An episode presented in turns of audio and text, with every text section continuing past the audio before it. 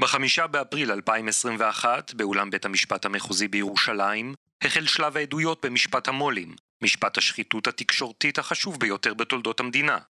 מאז ממשיכות העדויות במשפט לחשוף כיצד ברוני העיתונות הישראלים מספסרים בעיתונאים, בהיסטוריה ובציבור כדי לצבור עוד כסף ועוד כוח.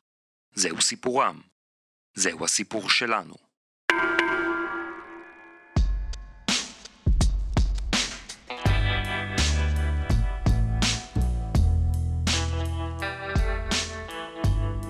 שלום שוקי טאוסיג. שלום אורן פרסיקו. שלום גם לכל המאזינים והמאזינות של פודקאסט משפט המו"לים, שעדיין, גם השבוע, רגע, השבוע הוא כבר לא בשבתון. הוא בפגרה. הוא בפגרה, עברנו משבתון לפגרה. השהיית המשפט. כן, לא, לא השהיית, הפסקת לא המשפט. הפסקת המשפט. הקפאה, הקפאה של המשפט עד אחרי פסח. אה, ואנחנו מנצלים את ההזדמנות כדי לשוחח הפעם עם אורח נכבד פה באולפן אה, פודקאסט משפט המו"לים, פודקאסט העין השביעית על משפט המו"לים. אה, התארח כבר בעבר, אנחנו שמחים שהוא כאן שוב איתנו. דוקטור דורון אבות, חבר אהוב ומחבר יחד עם פרופסור מרדכי קרמניצר והעיתונאית רויטל חובל במקום הכי חם בגיהינום. רב מכר! דוח, איך קראו לדוח? היה לו שם? האומנם הפיכה שלטונית. אוקיי. האומנם הפיכה, אה נו אחלה שם. האומנם הפיכה שלטונית? ספוילר. לא. למה אתה... לא, ספוילר. אבל זה... למה? אבל... זה פורסם כבר. אבל אבל יכול שיהיה ספר דוח המשך. ש? כן. האומנם הפיכה משטרית? כן. כן. הבנתי. רגע אז מה זה הפיכה שלטונית זה לא הפיכה משטרית? לא דורון בוא תן לנו בקצרה מה כתבתם על מה כתבתם ולמה. כתבנו על הטענות של בנימין נתניהו שהוא משמיע מ-2017, אה, מהרגע בעצם שמתפרסמות נגדו חשדות, בשלב הזה זה חשדות, שמפרסם את זה היועץ המשפטי לממשלה, שבעצם הוא מודיע על פתיחה בחקירה פלילית נגד בנימין נתניהו, מה שהיה פרשת 1000, אחר כך פרשת 2000, אחר כך 4000. ובעצם מ-2017 נתניהו טוען...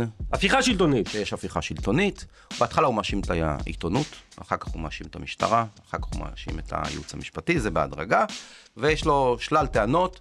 ואנחנו במחקר הזה בעצם מתמודדים עם הטענות של נתניהו, בלי לקבוע אם הוא אשם במשפט שמתנהל נגדו או לא. אנחנו מניחים שעומדת לזכותו את חזקת החפות כמובן, היא נשארת.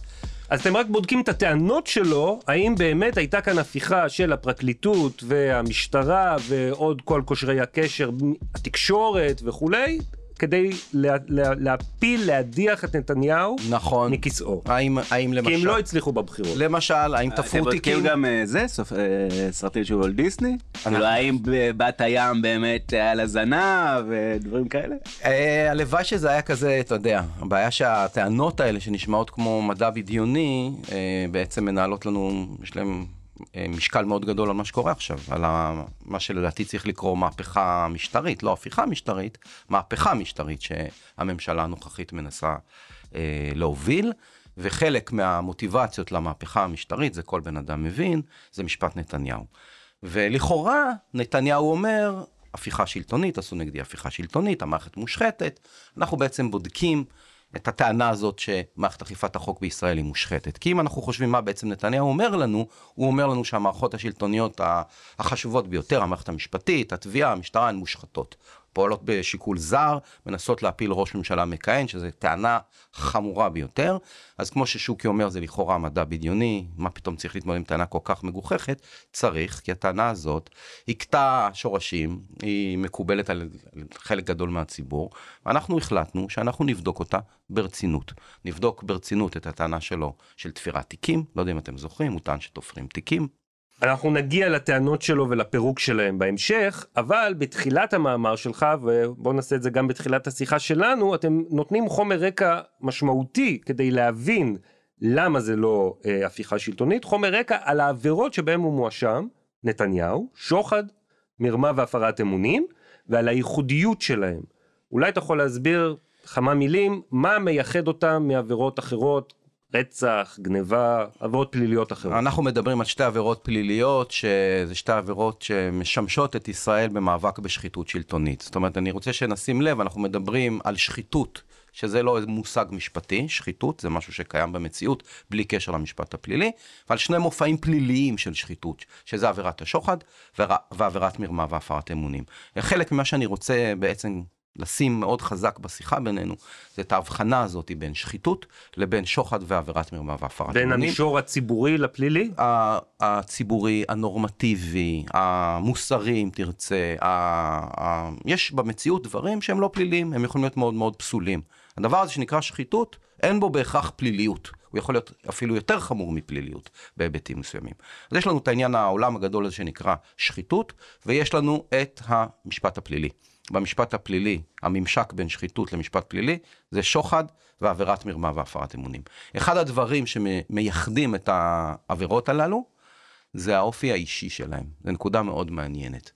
עבירת שוחד זה עבירה שאם אתה מאשים מישהו בלקיחת שוחד, והסתבר שהוא לא לקח שוחד, אין טעם שעכשיו תחפש מישהו אחר, אולי הוא לקח שוחד. זה לא כמו עבירת רצח. הבנתי, אם זדורוב זכאי, מישהו אחר רצח את האיראד. אם זדורוב זכאי, זה לא אומר שהיא לא נרצחה. כן. היא נרצחת. אבל אם לא הוכחת שוחד בפרשה מסוימת... אם נתניהו לא לקח שוחד, אז זה לא שמישהו אחר לקח את השוחד. זה או שנתניהו אוקיי. לקח שוחד, או שהסיגרים והשמפניות. למה זה חשוב? זה, זה נותן לעבירות האלה אופי מאוד אישי. ואז לחשוד ולנאשם קל יחסית לטעון בצורה לא אמיתית שרודפים אותו. גם כשלא רודפים אותו. כי ברגע שהעבירה הזאת היא עבירה שהיא נוגעת לבן אדם עצמו, ואין פה אפשרות שזה מישהו אחר, אז כדי למצות את הבירור המשפטי, אתה חייב לעסוק בבן אדם הזה ספציפית, ואך ורק בו. זאת אומרת שמלכתחילה יותר קל לנאשם בשחיתות להגיד את כל הדברים שאחרי זה אנחנו רואים שנתניהו אומר, זה אכיפה בררנית, תחרות תיקים נכון, וכולי. נכון. כאילו לא חוקרים את, ה, את הזירה, אלא חוקרים את, ה, את החשוד. כי, כאילו... בלי, כי בלי הבן אדם הספציפי הזה אין עבירה בכלל. שוב, רצח יש גם בלי הנאשם הספציפי. אבל uh, סיגרים ושמפניות, אם הוא לקח אותם כמתנה אותנטית, אין טעם עכשיו להתחיל לחפש, אז מי לקח פה שוחד? ברור. אף אחד לא לקח פה שוחד. זה מאוד מאוד ספציפי. עכשיו, חלק מהסיפור, חלק מהספציפיות, זה שהעבירות האלה זה עבירות שנוגעות למחשבה של הבן אדם, לכוונה שלו, למודעות שלו, לאופן שבו הוא אה, מפעיל את שיקול דעתו. כל עבירות השחיתות זה בעצם עבירות שנועדו להגן על ניקיון הדעת של עובד הציבור. אז החשש פה זה שבנימין נתניהו בעצם הפעיל את הסמכות השלטונית שלו, ושיקול הדעת שלו היה מוטה, משובש. או שהוא הפר אמונים, שזה המקרה החמור אבל הפחות קשה, או שהוא ממש לקח שוחד. וכשאתה מברר את הדברים האלה, אתה צריך ממש לבדוק את הבן אדם עצמו, את הלך הרוח שלו, את המודעות שלו. אלה בעצם החומרים שמהם עשויות העבירות האלה. זה מה שמאפיין שחיתות. אז מצד אחד זה יותר קשה להוכיח את האשמה בעבירות כאלה?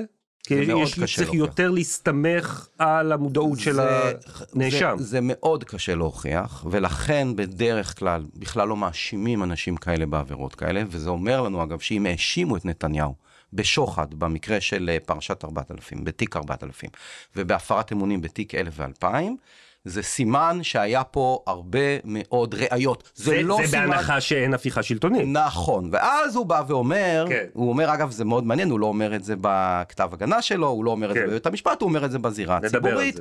הוא אומר, הפיכה שלטונית, תפירת תיקים וכל הטענות האלה שאנחנו מכירים, ואותם אנחנו בעצם בודקים אה, בחיבור הזה. מצד שני, אתם כותבים במאמר שלכם, בגלל שזה נוגע לאדם, חקירות כאלה הרבה פעמים הן חקירות מתגלגלות מתפתחות. אתה יכול להסביר את זה? נכון, הם, הם, בגלל שזה נוגע לאדם, קודם כל הרבה פעמים החקירות האלה קשורות לזה שהרבה אנשים אה, מספקים עליו ראיות. יש פה שני דברים, א', יש הרבה אנשים שמדווחים על הבן אדם הזה, לא בן אדם אחד, לא, לא שניים, אלא לפעמים זה שלושה, ארבעה, חמישה, כל מיני קורבנות ספציפיים שלו, שמתחילים לספר דברים עליו. זה מצד אחד. מצד שני, האופי של החקירה הוא כזה, שאתה מתחיל לחפש, לנבור, ללמוד את הבן אדם, ומשם פתאום אתה מגלה שהוא לא רק אה, לקח סיגרים, הוא גם לקח שמפניה, הוא לא רק לקח שמפניה, הוא בעצם אה, אשתו קיבלה מתנות וכל מיני דברים, ששוב, אם הוא נאשם, אה, בוודאי אם הוא נאשם מתוחכם כמו נתניהו, הוא יכול להשתמש בזה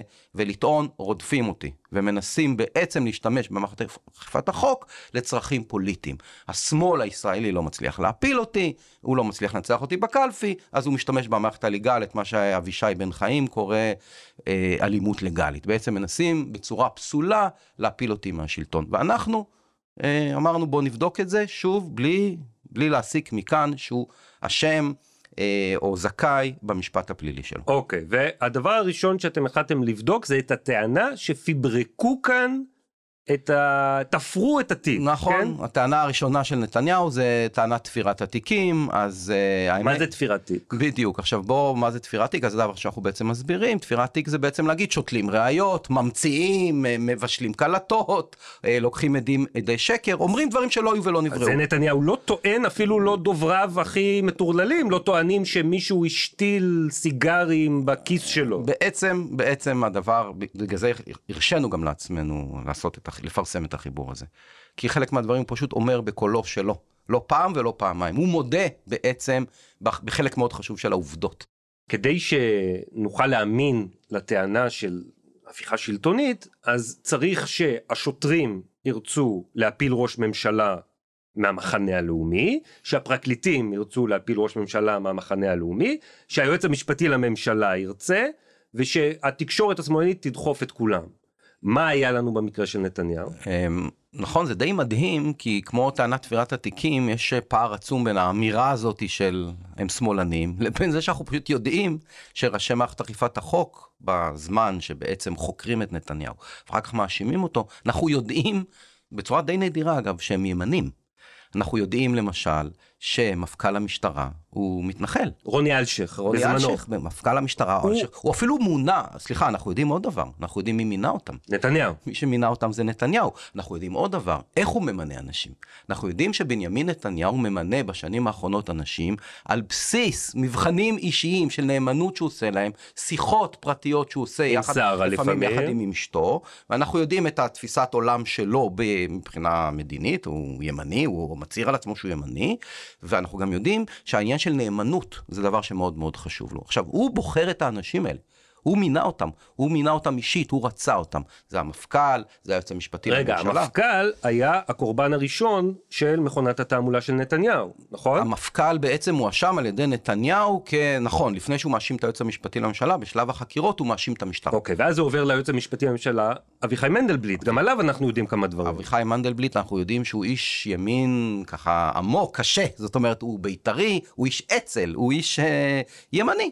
ימני. לא ירצה סתם כך להפיל ראש ממשלה מהמחנה הלאומי, מכיסו. אנחנו אפילו יודעים, והוא אומר את זה עד עצם היום הזה, כמה הוא מעריך את בנימין נתניהו. הרי היה מקורב אליו, היה מזכיר הממשלה, עבד איתו בשיתוף פעולה, נכון, שנים. נכון. הרי היה, לא, היה עתירות אפילו, לא? נגד המינוי שלו ליועץ המשפטי לממשלה, שזה היה הכי, הכי בוטה שנתניהו ממנה את המקורב שלו. כדי למסמס את החשדות נגדו.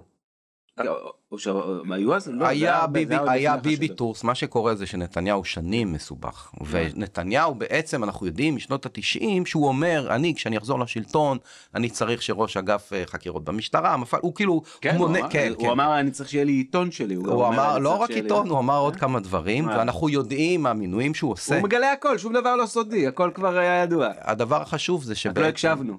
לא, חלק... חלקנו אגב הקשיב, הקשיב. אנחנו עוקבים אחרי זה כבר הרבה זמן, וזה ברור שכל המינויים שלו זה אנשים שלהבנתו הם נאמנים לו, הם ימנים.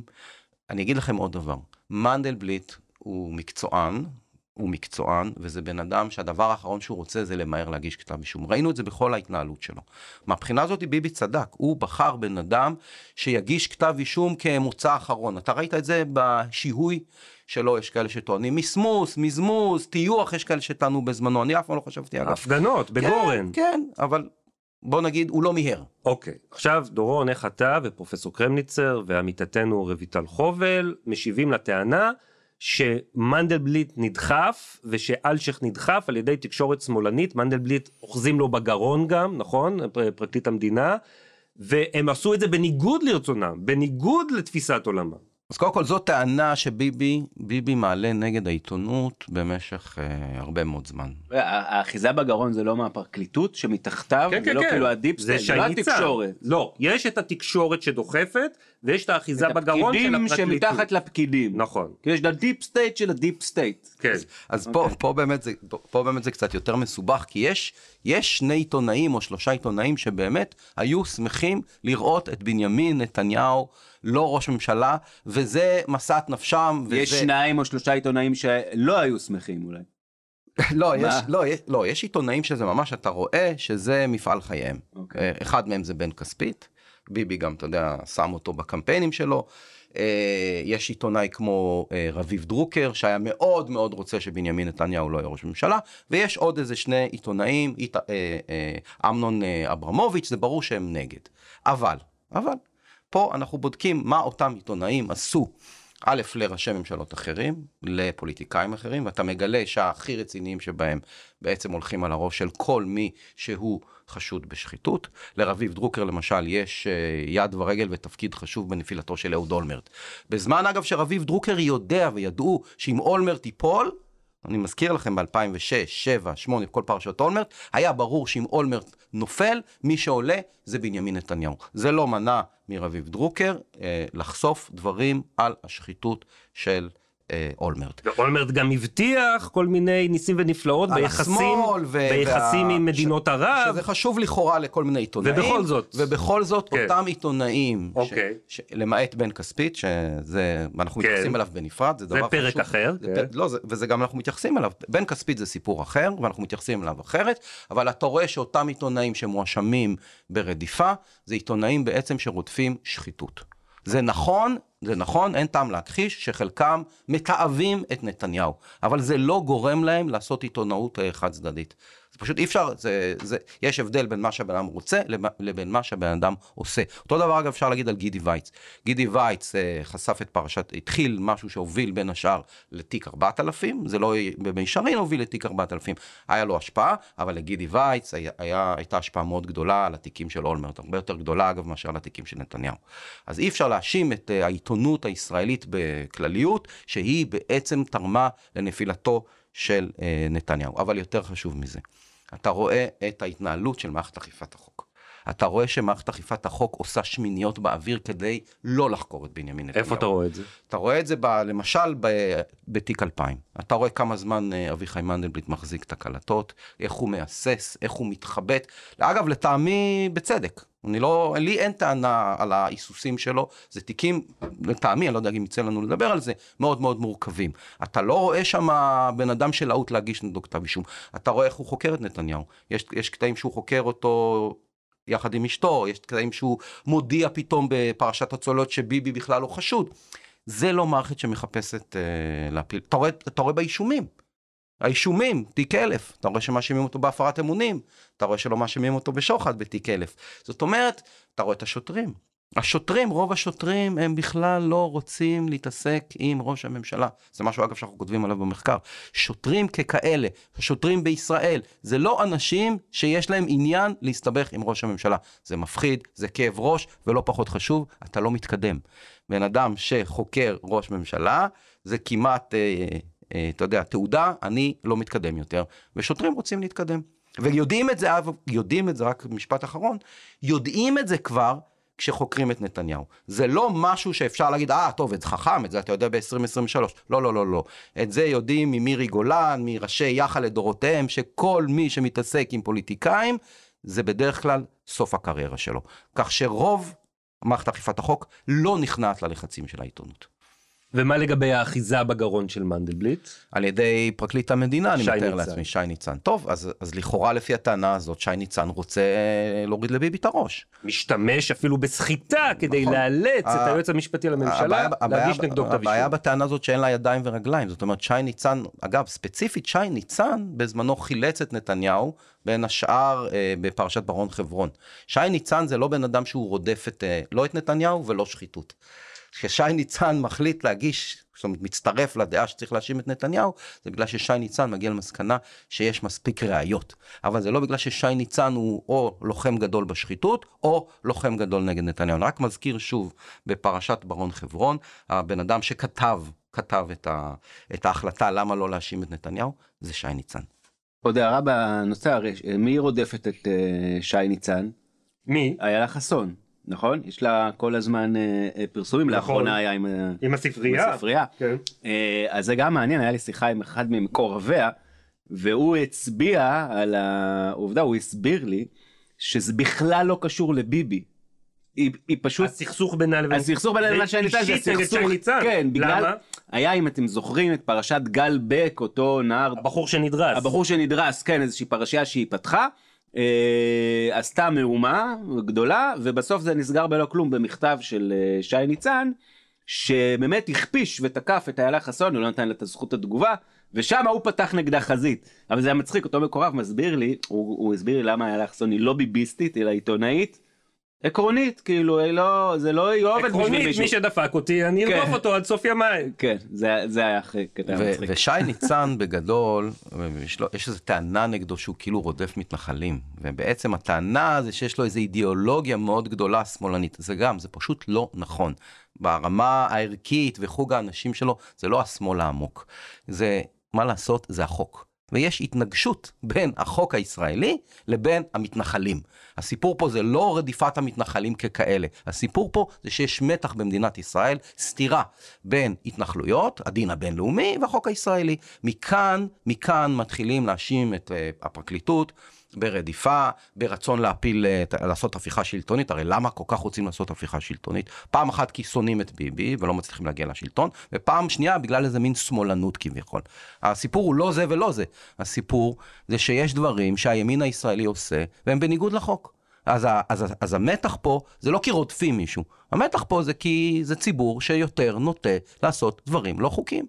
אתה מדבר על ציבור שכל הווייתו מתנגשת עם הדין הבינלאומי. מהימין או המתנחלים? המתנחלים. אה, המתנחלים. המתנחלים. עכשיו, אוקיי. שי ניצן, שי ניצן, מאיפה בעצם כל הסיפורים האלה ששי ניצן, למה ששי ניצן יחזיק בגרון עם מנדלבליט, אם כל מי שמכיר את הפרקליטות יודע ששי ניצן, שחיתות לא כל כך מעניינת אותו. זה לא כל כך נעים להגיד, כי זה כאילו עכשיו אני מדבר לא יפה על שי ניצן. שי ניצן אף פעם לא היה לוחם גדול בשחיתות. אף פעם לא היה לו שום עניין עם בנימין נתניהו, כבר נתתי דוגמה ויש עוד דוגמאות. אז מה בכל זאת כאילו יש כאן? הוא גם, הוא גם, אה, הוא היה ידוע לשמצה בסיפור עם אה, קצב. בהרבה סיפורים, אבל, שם- אבל, אבל מה, ש, מה, ש, מה, ש, מה הוא שאנחנו... איש, הוא איש מערכת קלאסי, הוא. משרת את המערכת. מה, עכשיו, מה המערכת היא. היא שונאת מתנחלים? הרי זה לא, זה לא הגיוני בכלל. מה שכן, יש התנגשות בין התנחלויות לבין הדין בישראל. אוקיי, נחזור למאמר שלכם, אתם עוברים שם פרשה פרשה ומראים איך היא נולדה, דיברנו על זה פה בפודקאסט, לדעתי גם איתך, נעשה את זה ממש בקצרה. פרשת אלף נולדת מתוך פרשה קודמת, מרוב uh, תלונות שיש במשרד ראש הממשלה, נכון? פרשת אלפיים פשוט מגיעות הקלטות, כי אריארו מואשם בפרשה אחרת שלא קשורה לנתניהו לכאורה. וארבעת אלפים חוקרים בכלל ברשות ניירות ערך איזה משהו חשוד שנראה להם במניית בזק ומשם מגיעים לקשרים עם פילבר ומשם מזמינים את אילן ישוע ואז הכל נחשף כל התכתובות המטורפות של בני הזוג אלוביץ' אז זה לא ראיית מנהרה זה בעצם ההפך. זה לא תפירת תיקים וזה גם לא גירוד האשמות. כי ביבי הרי טוען, מגרדים נגדי האשמות, זה לא גירוד האשמות, זה ראיות שנערמות, ונערמות, לא נעים להגיד, בין השאר בגלל משפחת נתניהו. אגב, זה לא רק בגלל בנימין נתניהו. זה לא נעים להגיד, אבל אשתו, יש לה תפקיד בהסתבכות הפלילית שלו. והתפקיד הוא, זה שהוא נתן לה בעצם מכל מיני סיבות לנהל את משק הבית, במובן הציבורי גם, והיא בעצם מתנהלת בצורה מאוד מאוד בעייתית. אגב, היא הורשעה בפלילים על חלק מהדברים האלה. זה לא פה שאני ממציא איזה משהו, זה קביעות אה, ברורות של אה, מערכת המשפט. אגב, מאוד מאוד ריחמו עליה. אבל היא מייצרת סדרה של קורבנות, של אנשים שנפגעו ממנה, והם מתלוננים ומתלוננים ומתלוננים ומתלוננים, וזה לא מגרדים האשמות, המערכת פשוט אין לה דרך אחרת חוץ מלהתחיל לברר את הטענות. כי כשמדברים איתה ומנסים להגיע איתה לאיזה הבנות, היא אטומה. היא לא נותנת למערכת ברירה. אז זה הפוך מגירוד האשמות. טענה נוספת שאתם מתייחסים אליה זה טענה שהפרקליטות לקחה כאן דברים שקורים ביום יום והפכה אותם לפליליים, גם במתנות בין חברים, גם ביחסי פוליטיקאי ותקשורת. נכון, אז אה, לגבי המתנות, אני חושב שפה גם uh, המאזינות והמאזינים יכולים להעיד שחברים לא נותנים אחד לשני סיגרים בשווי של מאות דולרים כל שבוע. מולטי מיליארדר, אם יש לך חבר מולטי מיליארדר. עכשיו, מי שמכיר קצת מולטי מיליארדרים, מי שזה מעניין אותו, שנייה, וזה אולי לא כל המאזינים שלנו, אבל מי שעוסק בזה יודע שמולטי מיליארדרים לא נותנים מתנות. מולטי מיליארדרים נותנים, אם הם נותנים, זה מתנה כמו בן אדם רגיל, פעם בשנה. הם לא נותנים כל שבוע מתנה. כשהם נותנים כל שבוע במרכאות מתנה, הם בעצם נותנים רגע, משהו רגע, מה זה שמתקרב, שנייה? מתקרב הרבה יותר הדו- דוקטור ל- נבות. לשוחד. דוקטור נבות, אני כן. רוצה להבין מאיפה ההיכרות האינטימית שלך עם מולטי מיליארדרים, מאיפה אתה יודע? אה, אה, דוקטור דורון אבות הוא בין השאר דוקטור, כי הוא כתב את הדוקטורט שלו על שחיתות פוליטית. ודוקטור דורון אבות כבר למעלה מ-20 שנה, זה מה שהוא עושה. הוא חוקר שחיתות. הוא חוקר שחיתות אז ציבורית. אתה- אתה מדבר על מולטי. מיליארדרים ישראלים או בכלל? בין הש... אתה יכול לדבר בכלל ואתה יכול גם לדבר, אנחנו גם לא חייבים לדבר ברמה הכי מופשטת, אפשר לדבר גם על, או, נו, אז לזה אני. מכוון, אנחנו אוקיי. יודעים בצורה, אה, מעדויות של הקרובים ביותר אליו, שארנון מילצ'ן הוא לא בן אדם נדיב במיוחד, נשמור על, על כבודו של ארנון מילצ'ן. לא, לא, למה? ארנון מילצ'ן זה בן אדם שכשהוא נותן לך משהו, הוא, ב- הוא על פי רוב, אם אתה לא הבן שלו, וביבי, עד כמה שאני יודע, אין טענה שמדובר ביחסי אב ובנו, מדובר לכאורה בחברות. ארנון מילצ'ן, ה-so called חברים האלה שלו, זה בעצם יחסים אינסטרומנטליים, שהוא נותן להם דברים כי הוא מנסה להשיג משהו. בעצם, וזה לא משהו שהאשימו בו את נתניהו, לכאורה, היה הרבה יותר הגיוני להאשים את נתניהו בשוחד. זה לא מה שבחרו, יש לזה כל מיני... באלף. באלף, בסיפור הזה של המתנות. אני התחלת עם הסיפור של, כן, ה, כן. של המתנות בין כן. חברים. הטענה הזאת של מתנות בין חברים לא מחזיקה מים, כי חברים לא מחלקים כאלה מתנות, גם, גם ובעיקר לא מיליארדרים. מיליאר... וגם אגב, היחסים בין נתניהו למילצ'ן, גם את זה צריך להגיד, זה בין השאר על רקע החיים הציבוריים של נתניהו. היחסים קרובים, הילדים שיחקו כדורגל. אבל זה הכל, באמת, וזה דבר רציני, אה, זה לא חברים מה, מהתיכון, זה לא חברים מהגן, זה, לא מה, זה אפילו לא מהצבא. זה אנשים שהכירו בגלל שזה שני אנשים חזקים. אז מלכתחילה, מה שהם קוראים חברות, זה לא החברות הרגילה והאמיתית. זה יחסים, אתה יודע, של אולי סימפתיה עם הרבה מאוד אינטרסים. ביחסים כאלה. השימוש במילה מתנה הוא, הוא, הוא פשוט מטעה. הוא, לדעתי אגב זה לא במקרה, הוא לא, זה לא שבנימין נתניהו לא יודע לדבר, להפך, הוא יודע לדבר. הוא מנצל את העמימות שיש בשפה בקשר למה זה בדיוק מתנה, ולהבחנה בין מתנה לבין שוחד. עכשיו, פה אולי צריך להגיד משהו על שוחד, או שאתם רוצים ככה קצת לנשום. כי יש הבדל בין מתנה לשוחד, וההבדל... אבל זה, הוא גם, מתנה זה לא משהו שאתה מבקש, הרי הוא דורש את המתנות. יפה, א', מתנה זה לא דבר שמבק... שלא לא, לא דורשים מתנה. ילד בן ארבע אגב לפעמים דורש מתנה, זה נכון. שאתה טס לחו"ל, לפעמים הוא דורש ממך, שאתה חוזר, הוא יכול להגיד מה הוא רוצה, בסדר. אבל אנשים מבוגרים לא דורשים אחד מהשני מתנות, זה, זה כבר לא מתנה. אנשים מבוגרים לא נותנים מתנות על בסיס קבוע, ואנשים מבוגרים לא נותנים מתנה בשביל להשפיע אחד על השני. עכשיו פה יש לך את כל החומרים של שוחד. ארנון מילצ'ן צריך את בנימין נתניהו, צריך את הקרבה שלו, נותן לבן אדם שהוא יודע שאוהב סיגרים יקרים, נותן לבן אדם שהוא יודע שלא אוהב להוציא כסף מהכיס, יודע, יודע את זה לבנימין נתניהו, בנימין נתניהו לוקח את הסיגרים. עכשיו, מה בנימין נתניהו חשב? שמילצ'ן נותן לו את הסיגרים כי מה? למה? אז כאן אולי נכנס באמת היסוד הנפשי שמדובר ב... בשוחד. בנ... או בהפרת אמונים. לא, בנרק... בפסיכופת נרקיסיסט. יפה. או, או בבן... פה בעצם... הוא בעצם... חושב שמגיע לו, הוא מאמין, כמו הוא ואשתו מאמינים שהם קיסרים, שהם האנשים החשובים במדינה. יפה. הרי שרה אצלה זה לא סאבטקסט. עכשיו- זה, זה הטקסט שהיא אומרת. מבחינת המשפט הפלילי... מגיע להם הכל. מבחינת המשפט הפלילי, ואם זה בסדר, נצלול רגע... כן, אדרבה. לרגע cut למשפט הפלילי. גם אם זה נכון והוא חושב שמגיע לו, זה לא מה שקובע מבחינת המשפט הפלילי לגבי שאלת השוחד והפרת אמונים. שאלה ש... שרלוונטית זה לא אם הוא חושב שמגיע לו, השאלה הרלוונטית זה מה נתניהו חושב שרוצה לעשות מילצ'ן. אם נתניהו חושב שמילצ'ן נותן לו את הסיגרים כי, כי מילצ'ן מנסה בזה להשפיע עליו, מבחינת המשפט הפלילי, נתניהו, אם הוא לוקח את הסיגרים, עבר עבירת שוחד. אם נתניהו לא חושב שמילצ'ן אה, רוצה להשפיע עליו, אלא הוא חושב שמילצ'ן מעריץ אותו, נגיד, כי הוא הקיסר, ואז הוא לא מעלה על דעתו, מה פתאום, מה פתאום שהוא ירצה להשפיע עליי? אף אחד לא חושב שאפשר להשפיע עליי, אני הרי הקיסר. במצב כזה, שה, שהמודעות של נתניהו היא רק, הוא נותן לי את זה כי אני הקיסר, נפתחת האפשרות להפרת אמונים, זאת האפשרות אגב שהפרקליטות אה, בחרה בה. הפרקליטות אמרה אולי הוא באמת, אתה יודע, אולי הוא חושב זאת אומרת זה לא, אז זה כבר מוציא את זה מגדר עבירת שוחד, אמת. אבל עדיין הפרת אמונים, כי בהפרת אמונים אתה לא צריך מודעות לפליליות של המעשה, אלא רק מודעות אתה לא צריך- למעשה עצמו. בהפרת אמונים אתה לא צריך מודעות לזה שמילצ'ן רצה להשפיע. השאלה פה זה לא מודעות לפליליות, זה בכל מקרה לא צריך להוכיח. אה, אוקיי. מה, ש, מה שבעצם נשאלת השאלה, אוקיי, נניח שבנימין נתניהו לא זיהה, לא זיהה את האינטרס של מילצ'ן, הוא לא מבין שמילצ'ן רוצה, לה, רוצה להשפיע עליו, הוא חושב שזה בגלל שהוא ירום הודו. אז אפשר לטעון, רגע, אז מה, למה זה בכלל עבירה פלילית, נכון? אז בדין הישראלי, ואת זה אגב נתניהו יודע, בדין הישראלי לפוליטיקאי ב, בד, במעלה, בדרגה, במעמד של נתניהו, אסור לקבל טובות הנאה אה, אה, באינטנסיביות כזאת. גם אם טובות ההנאה ניתנו לו כי אוהבים אותו. נשמע כמו סעיף שצריך לבטל בדין הפלילי הישראלי. אז כן. זה, עובדים על זה. עובדים על זה. א' עובדים על זה, כי זה... מכמה כיוונים, אגב, גם לבטל את הפרת האמונים וגם חוק המתנות שכרגע כן. נעצר. עכשיו, אתה יכול לשאול אותי, רגע, למה בעצם יש סעיף כזה? למה באמת לא מבטלים אותו? בוא רגע נעשה דיון רציני. למה? אם זה לא שוחד, ונניח שזה לא... אתה יודע מה? בוא נלך יותר מזה. בוא נניח שבאמת מילצ'ן לא מנסה לשחד אותו. כמו ש... זאת ההנחה של התביעה. מה הבעיה בזה שראש ממשלה יקבל מתנות ממיליארדר? הבעיה היא זה שבעצם זה, גם אם זה לא שוחד, זה משחית את ראש הממשלה. כי בלי קשר לשוחד, מה שזה הופך את ראש הממשלה, זה הופך אותו לחמדן שבעצם ייפגש רק עם מי שנותן לו סיגרים. תחשוב, זה, הוא בן אנוש, אתה צריך להגן על הנטיות הרעות שיש ל, ל, ל, לאנשים כאלה.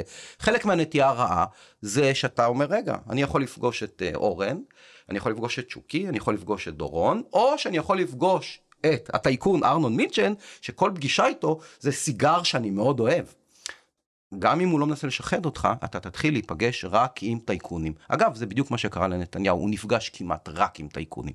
ולכן, גם אם זה לא שוחד, זאת התנהלות מושחתת. ובדין הישראלי ההתנהלות המושחתת הזאת נקראת מרמה והפרת אמונים. אוקיי, אז דיברנו על למה אין כאן הפללה של מתנות בין חברים. בואו נעבור להפללה, זו הטענה של נתניהו, הפללה של יחסי פוליטיקאי תקשורת, תיקים 2000 ו-4000. הוא אומר, זה יום ביומו, כולם עושים את זה. אני חושב שהטענה אגב הזאת של נתניהו זו טענה הרבה יותר מעניינת. הטענה הזאת שזה בעצם לא פלילי. אז קודם כל, בואו נתחיל מזה שזאת טענה שצריכה להישמע בבית המשפט. נשמעת, בהחלט. יפה, אז אני, זה לא ש... שוב, אני מזכיר, אנחנו לא מרשיעים אותו בחיבור הזה. אנחנו לא טוענים שב-2000 וב-4000 הוא הפר אמונים ב-2000, אנחנו לא טוענים שהוא אה, לקח שוחד ב-4000.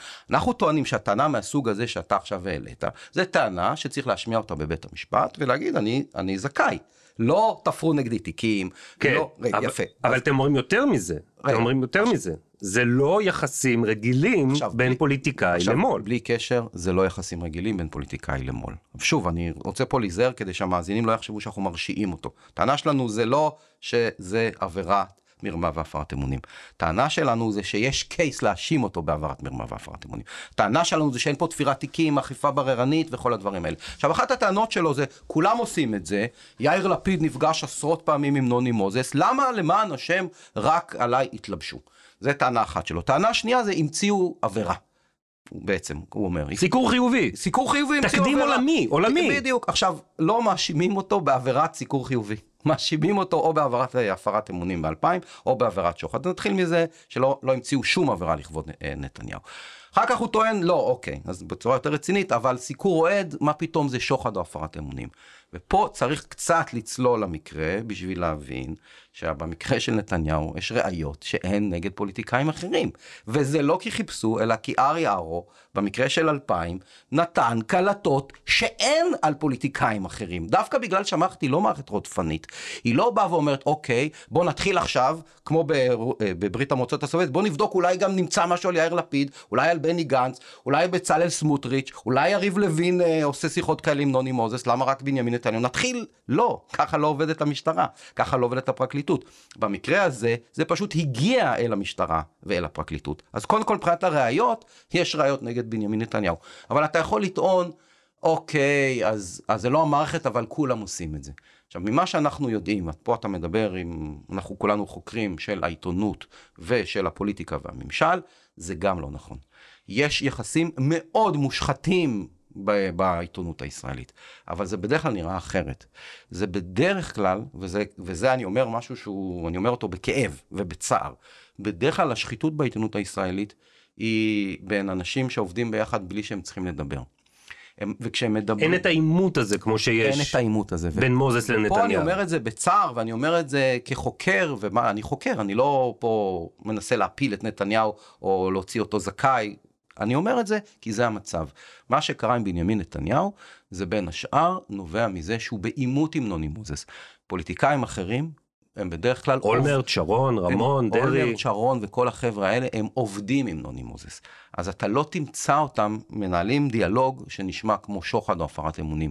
כי היחסים, למרבה הצער, הם יחסים הרבה יותר סימביוטיים. עכשיו, זה לא הופך את זה לפחות מושחת במקרה שלהם, אבל זה הופך את זה לפחות פלילי. ופה אנחנו ממש רואים משהו שדיברתי עליו בהתחלה, את ההבדל בין שחיתות לפליליות. במקרה של נתניהו, באופן כמעט אה, אבסורדי, חלק מהפליליות שלו ב-2000 וב-4000 נובעת מהיחסים הקשים שיש לו עם העיתונות הממוסדת. באופן מוזר, דווקא בגלל שבדברים מסוימים הוא פחות היה מושחת, הוא פחות היה מעורב בקשר שחיתות, זה גרם לזה שהקשר שלו עם נוני מוזס הפך לקשר יותר פלילי. אוקיי, okay, זה, זה 2,000. בואו נדבר על 4,000. למה שם אין הפללה של uh, יחסי uh, פוליטיקאי מו"ל uh, יומיומיים? מה שקורה בעצם ב-4,000 זה משהו ששוב, כחוקר, ש... בגלל שאני חוקר שחיתות ציבורית ופוליטיקה ישראלית, אני גם חוקר את העיתונות. העיתונות היא חלק מאוד משמעותי בפוליטיקה ובשחיתות. מה שיש ב-4,000 ממה שאנחנו יודעים על העיתונות הישראלית הוא מאוד מאוד חריג. מה שנתניהו ניסה לעשות יחד עם אלוביץ', ושוב, אני לא מרשיע לא את אלוביץ', ואני לא מרשיע את נתניהו, אני מדבר כרגע על ההתנהלות שלהם. זה לא ההתנהלות שאנחנו מכירים ממערכות אה, עיתונות אחרות. המעורבות של משפחת נתניהו באתר וואלה הייתה, למיטב הבנתנו, חריגה. בדרך כלל, האופן שבו פוליטיקאים מתערבים בתכנים אה, עיתונאיים, זה התערבות הרבה יותר עדינה. זה, משהו... זה מה שרואים בטיעונים של הסנגורים, הנה אילן ישוע דיבר עם בוז'י, הנה הוא דיבר עם פוליטיקאים אחרים. זה שונה מלקבל הוראה מאלוביץ' רואה... שמקבל פנייה משליחי נתניהו. אתה רואה שבוז'י, אתה לא יודע להגיד על זה שבוז'י יושב כל יום ושאשתו של בוז'י ושהבן של בוז'י מתקשרים למערכת או מפעילים כל מיני אנשים כמו ניר חפץ, זה לא קורה. איפה זה כן קורה? אצל נתניהו. ופה אתה ממש יכול לראות איך ההתנהלות שלו היא התנהלות בעניינים האלה מאוד מאוד מאוד בוטה. עכשיו, הבוטות הזאת, היא מקרבת אותך לעניין הפלילי. הבוטות הזאת, אני רק רוצה להדגיש, וזה הפרדוקס, הבוטות הזאת היא לא מבטאת רק שחיתות. דווקא מבטאת מרחק בינו לבין אה, אלוביץ', והיא מבטאת מרחק בין אלוביץ' לבין וואלה. מוזס לא צריך לא צריך להתנהל בצורה כל כך בוטה כמו שאלוביץ' מתנהל עם וואלה. כי השלטון של מוזס בידיעות אחרונות זה שלטון כמעט ללא מיצרים, מה שנקרא, זה שלטון שבו רצונו של מוזס הופך למציאות. אצל אלוביץ', רצונו של אלוביץ' לא הופך למציאות בוואלה. עכשיו, זה לא הופך את אלוביץ' ליותר מושחת, זה הופך דווקא במובן מסוים את ידיעות ליותר מושחת. אבל אני אומר, יש הבדל בין מושחת לפלילי. בגלל שאלוביץ' פחות שולט בוואלה, בגלל שאלוביץ' לא צמח בעולם העיתונות כמו מוזס, מוזס שנים הוא גודל בתוך ידיעות אחרונות, אלוביץ' הוא טייקון שלא גודל בוואלה, אז כשאלוביץ' מתערב בוואלה לטובת נתניהו, זה מאוד מאוד בוטה. כשזה מאוד בוטה, זה כבר ראיות ולכאורה למשהו אולי פלילי. טענה האחרונה שלכם שאתם אה, מפרקים של אה, נתניהו זה הטענה של אכיפה בררנית. למה אותי מעמידים לדין ולא מעמידים לדין אחרים? נכון, זה טענה, אתה יודע, זה כבר וולט דיסני. כאילו, מה זה למה? העמידו לדין, אה, ישב ראש ממשלה לפניך בבית סוהר, אתה נכנסת להיות, אתה ראש ממשלה בין השאר, כי קודמך בתפקיד עמד לדין, אה, נחקר, עמד לדין וישב בבית סוהר, אז מה זה אכיפה בררנית? לפניו, בן אדם שנחקר, אריאל שרון, והבן שלו ישב בבית סוהר. לפניו, מישהו שנחקר, אתה יודע, זה כל ראשי הממשלות בעצם מ-77, כמעט כל ראשי הממשלות, לא כולם, נחקרו. חלקם אה, ישב בכלא אפילו, פוליטיקאים מימין, מרכז, שמאל, ישבו בבית סוהר. הסיפור הזה של אכיפה בררנית זה אולי הטענה הכי הזויה של בנימין נתניהו. אוקיי, עכשיו כל הדברים האלה, כל הטענות המופרכות, לא נמצאות בתשובה של נתניהו לכתב האישום. הטענות שלו בתשובה לכתב האישום הן אחרות. הטענות שלו הן אחרות כי הוא מבין שמבחינה משפטית הטענות האלה שאנחנו מתמודדים בחיבור זה טענות שלא מחזיקות מים. הוא מספיק אה, רציני בשביל הטענ... לשמור את הטענות האלה לזירה הלא משפטית. אז למה הוא צריך את זה? למה הוא מנהל את הקרב הזה בזירה הציבורית? מה זה נותן לו? הקרב הזה בזירה הציבורית, עכשיו אני ממש, אה, סלח לי, אה, מדבר גם בדאגה. הקרב הזה בזירה הציבורית דווקא מוכיח את עצמו. הוא מצליח עכשיו לקדם ממש אה, ניסיון למהפכה משטרית, לשנות את אורחות החיים כאן, בזכות הטענות האלה שלו. עכשיו, דרך שלו למלט את עצמו מאימת הדין, זה לא להוכיח את חפותו באופן נורמלי, אלא פשוט להרוס את מערכת אכיפת החוק. עכשיו, את מערכת אכיפת החוק, אם אתה רוצה להרוס, אתה צריך להרוס בהרבה מאוד כוח פוליטי. אז את הכוח הפוליטי הזה אתה מציג מהציבור, מתמיכה אלקטורלית למעשה, בלנצח בבחירות. מה שבעצם הוא עשה, דרך טענות כאלה, הוא בנה איזושהי תשתית. אה, אגב, יותר תשתית, אה, פחות, זה פחות שהציבור אה, רוצה להרוס את מערכת אכיפת החוק. הוא יצר איזה קואליציה של אנשים, שכל אחד מהם... מהאינטרסים מה, שלו. מאינטרסים אחרים, אחד מהם זה דרעי, מאינטרס די דומה. אחד, אה, יריב לוין מאיזושהי שנאה תהומית אה, למערכת המשפט, דבר אגב לא לגמרי ברור לאף אחד למה יריב לוין שונא כל כך את מערכת המשפט, משהו שאני מניח ומקווה שעם הזמן אנחנו נבין. המפלגות החרדיות. החרדיות שיש להם עניין... אה, אשכנזיות הכוונה. האשכנזיות, יש להם עניין עם מערכת המשפט בגלל כל הנושא של גיוס וכל העניין שהן פועלות במינהל לא תקין באופן קבוע, אז הן רוצות בעצם להחליש את מערכת המשפט. סמוטריץ' ובן גביר. סמוטריץ' המשיחי ובן גביר שהוא בעצמו הורשע ב-13 עבירות פליליות. זאת אומרת, יש לך פה קואליציה של אנשים שביחד מנסים ב, אה, בעצם חודשיים, קצת יותר, קצת אני חושב שקצת יותר מחודשיים, קוראים לזה הרפורמה המשפטית, שבעצם אם היא תעבור, אז אחד, אחת, אחד, אחת התוצאות של הרפורמה הזאת תהיה שבנימין נתניהו בעצם יוכל למלט את עצמו מאימת הדין. הקרב הזה שהוא מנהל בשדה הלא משפטי, יכול להיות מתורגם לזה שהוא פשוט יכריע את שלטון החוק במדינת ישראל. זאת אומרת, בעצם בנימין נתניהו, דרך הטענה להפיכה שלטונית, לקח אותה מאוד מאוד רחוק, והוא מנסה למלט את עצמו מאימת הדין על ידי זה שהוא פשוט אה, ישנה מן היסוד את מדינת ישראל. זאת אומרת, אני לא אלך לכלא, אני לא אתמודד במערכת המשפט, אני לא לוקח סיכונים, אני עושה דה-לגיטימציה מוחלטת למערכת המשפט, אני לא מסתפק באמירות, אני ממש מקדם סדר יום אנטי אה, לגלי. אתה ממש רואה את זה שהעיקרון המארגן של מה שקוראים הרפורמה המשפטית, זה בעצם להפוך את שלטון החוק במדינת ישראל למשהו שכפוף לרצון פוליטי. וזה בעצם ההפך משלטון החוק. טוב, דיברנו הרבה על נתניהו, אה, אבל הזכרת קודם את המורכבות של האישומים נגדו, ובוא נדבר קצת על הפרקליטות. למה אתה מתכוון כשאתה אומר שכתב האישום הזה כולל אישומים מורכבים? אמ, האישומים הם מורכבים כי חלק מהדברים שנתניהו עושה זה זירה של מאבק על כוח. כל היחסים עם עיתונות. זה בעצם יחסים מאוד בעייתיים. זה יחסים מאוד מכוערים, תסלח לי, מבחינה... מה, של נתניהו או בכלל? בכלל. נו, אז פה אתה מתחבר לטענה שלו. פה אני מתחבר לטענה שלו, לא נגד מערכת אכיפת החוק, לטענה שלו מכיוון אחר. זאת אומרת, הוא לא, הוא לא מפתח את הטענה שלו כמו שאני מפתח את הטענה שלו. הוא לוקח את הטענה שלו בשביל להגיד, רודפים אותי, המערכת מושחתת וכולי. לזה אני לא מתחבר בכלל, להפך, אני חושב שהוא פשוט או משקר, או, אתה יודע, הכניס את עצמו לאיזה מין מצב תודעתי שהוא מאמין באמירות הלא אמיתיות שלו. אבל איפה אני איפה אני חושב שיש כאילו סוג של אמת בטענות הכלליות של המחנה שמאמין לביבי. יש פה איזה מצב אבסורדי שדווקא בנימין נתניהו עשה דברים פליליים לכאורה, או מואשם בפליליים, לדעתי מואשם במידה רבה בצדק, הוא מואשם דווקא בגלל שהוא מרוחק מהאליטה הזאת. דווקא אותם אנשים שמאוד מאוד מקורבים לאליטה הזאת. קח לדוגמה בן אדם כמו אביגדור ליברמן, שאנחנו יודעים שיש עיתונאי בשם בן כספית, שעובד איתו בצורה מאוד מאוד צמודה. אתה לא תמצא כנראה דיאלוג בין אביגדור ליברמן לבין כספית, כמו הדיאלוג בין בנימין נתניהו לבין נוני מוזס. עכשיו, אתה יכול להגיד, אה, אז הכל טוב. לא, אבל זה בגלל סימביוזה מושחתת. עכשיו, כשיש סימביוזה מושחתת, לא צריך שוחד. שוחד הרבה פעמים נועד לחבר בין שני אנשים שאין ביניהם חיבור. אבל אם החיבור הוא מושחת, אתה לא צריך שוחד.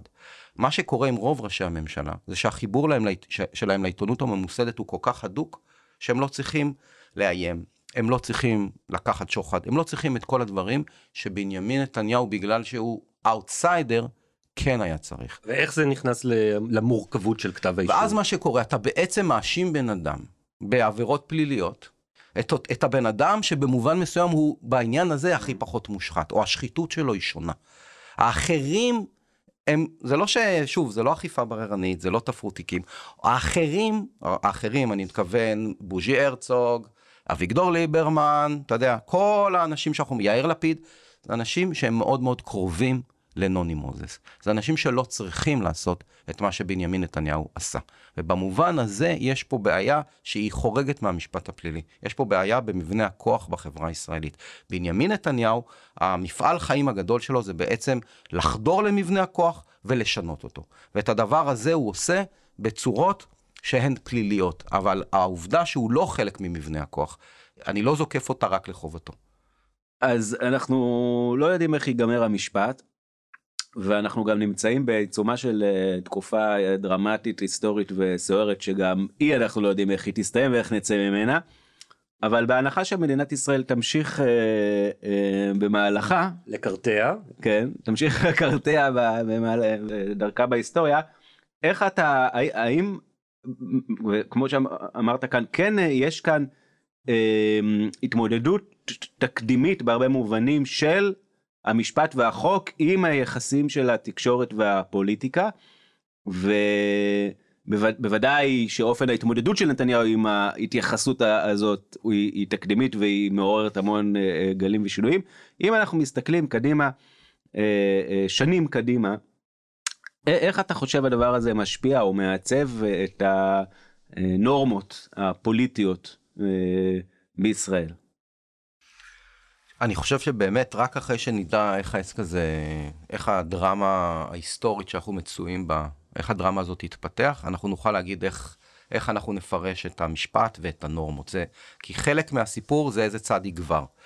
אם הצד של נתניהו יגבר, אז אנחנו נזכור את המשפט נתניהו לא רק בתור ציון דרך בסוף של הרפובליקה הישראלית, אנחנו גם, יש סיכוי שמי שיכתוב את ההיסטוריה זה המנצחים, ואז אה, כל, כל הדיון על הדבר הזה יהיה איזה מערכת משוגעת הייתה, והיום יש לנו אה, אה, חוק עונשין אה, מתוקן, אין עבירה מטורללת כמו הפרת אמונים, שוחד זה רק מעטפות. אחרי שניסו לעשות הפיכה שלטונית, אחרי, בדיוק, בניגוד אבל, לדעתם אבל של דוקטור דורון אבות, ופרופסור קרמיצר. וכולי וכולי. אז, אז הנורמות זה משהו שייקבע בין השאר על ידי המאבק הזה.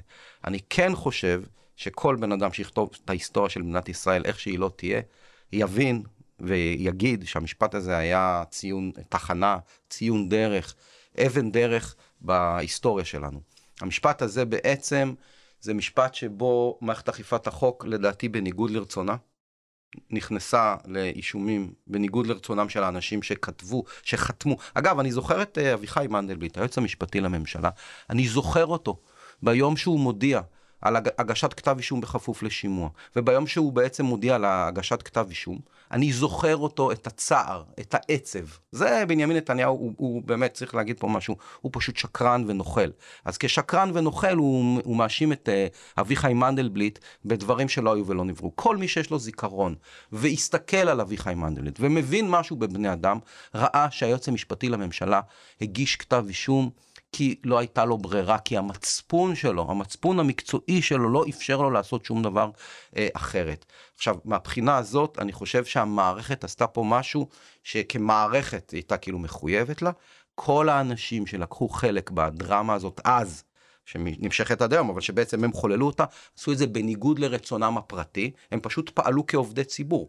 אביחי מנדלבליט התגבר על אביחי מנדלבליט האיש, והיועץ המשפטי לממשלה שהוא, הוא זה שהגיש כתב אישום. ממש אפשר היה לראות את הדואליות הזאת בכל המעמד הזה, ובדיעבד, אני, זה, לי זה ברור שהרגע הזה זה רגע מכונן בהיסטוריה שלנו.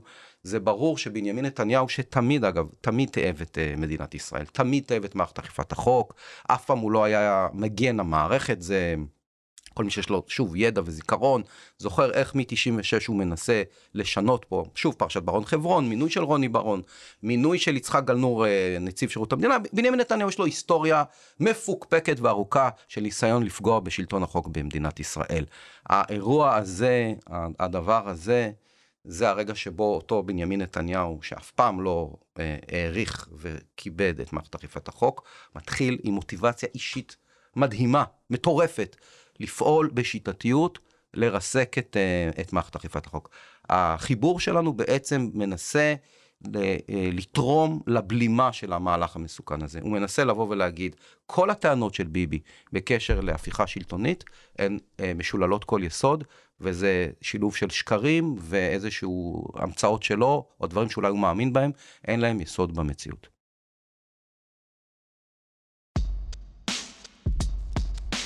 טוב, תודה רבה דורון, אנחנו נפנה את המאזינים שלנו, מי שרוצה לקרוא את המאמר במלואו, הוא זמין, חפשו בגוגל ארבעת השקרים של נתניהו, העין השביעית, ותוכלו למצוא גם את תמצית המאמר וגם את המאמר המלא. אז תודה לך דורון שבאת אלינו היום. תודה רבה. תודה גם לך שוקי. וואי, איזה כיף, תודה. תודה לשניכם. תודה גם לאוהד סטון על ההפקה והעריכה, ואנחנו נחזור בשבוע הבא עם עוד פרק של משפט המו"לים. משפט המו"לים, נטול, גרסת הנטול, נטול משפט, נטול משפט, אבל עם מו"לים. אבל עם מו"לים. איזה מו"לים? מו"לים מושחתים, מה זאת אומרת? אה, אוקיי. ואם אתם רוצים להיות מו"לים לא לא מושחתים, אז תצטרפו אלינו. תצטרפו אלינו, ל- השביעית שקוף, המקום הכי חם. עד השבוע הבא. יאללה ביי. יאללה, ביי.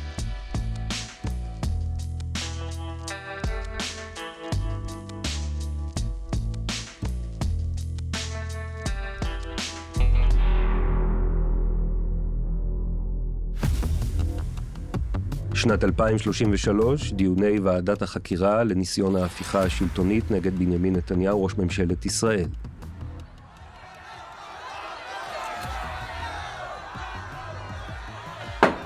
שלום לנאשם לשעבר דוקטור דורון נבות.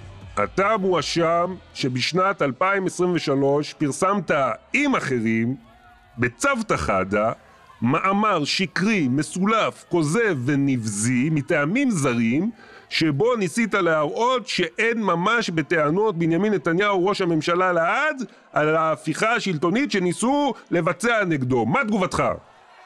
אה, שלום, שלום, מה, במה אני בדיוק מואשם? אה, אה, הנאשם נבות, אני מבקשת, רק תענה על השאלות, לא, לא לענות אה, בשאלה לשאלה. אתה... אתה מודה! אני פרסמתי את החיבור הזה, אני מודה. אז אתה מודה שהשתתפת במאמץ אה, להפיכה השלטונית נגד ראש הממשלה בנימין נתניהו לעד. אני לא מודה. יש לך מה לטעון להגנתך? אני מבקש אה, לזמן אה, לעדות אופי והגנה נאשם אחר, מה? מי? את אה, שוקי טאוסיק, עורך העין השביעית? עורך עין שביעית לשעבר. תביאו אותו לכאן.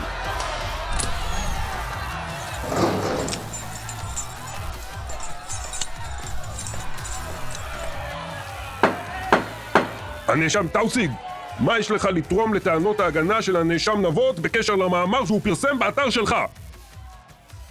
אה, כבוד בית המשפט, אה, כבוד התובע, שאני רואה שאתם אה, בין יושבים ביחד, אז אה, כן, יש לי מה להגיד. המאמר, אה, אנחנו פרסמנו אצלנו את המאמר, כשעוד האתר היה אה, אה, חוקי, לפני שסגרתם אותו, אה, ואני בהחלט יכול אה, להעיד כאן אה, שהוא היה נורא ארוך ואף אחד לא קרא אותו.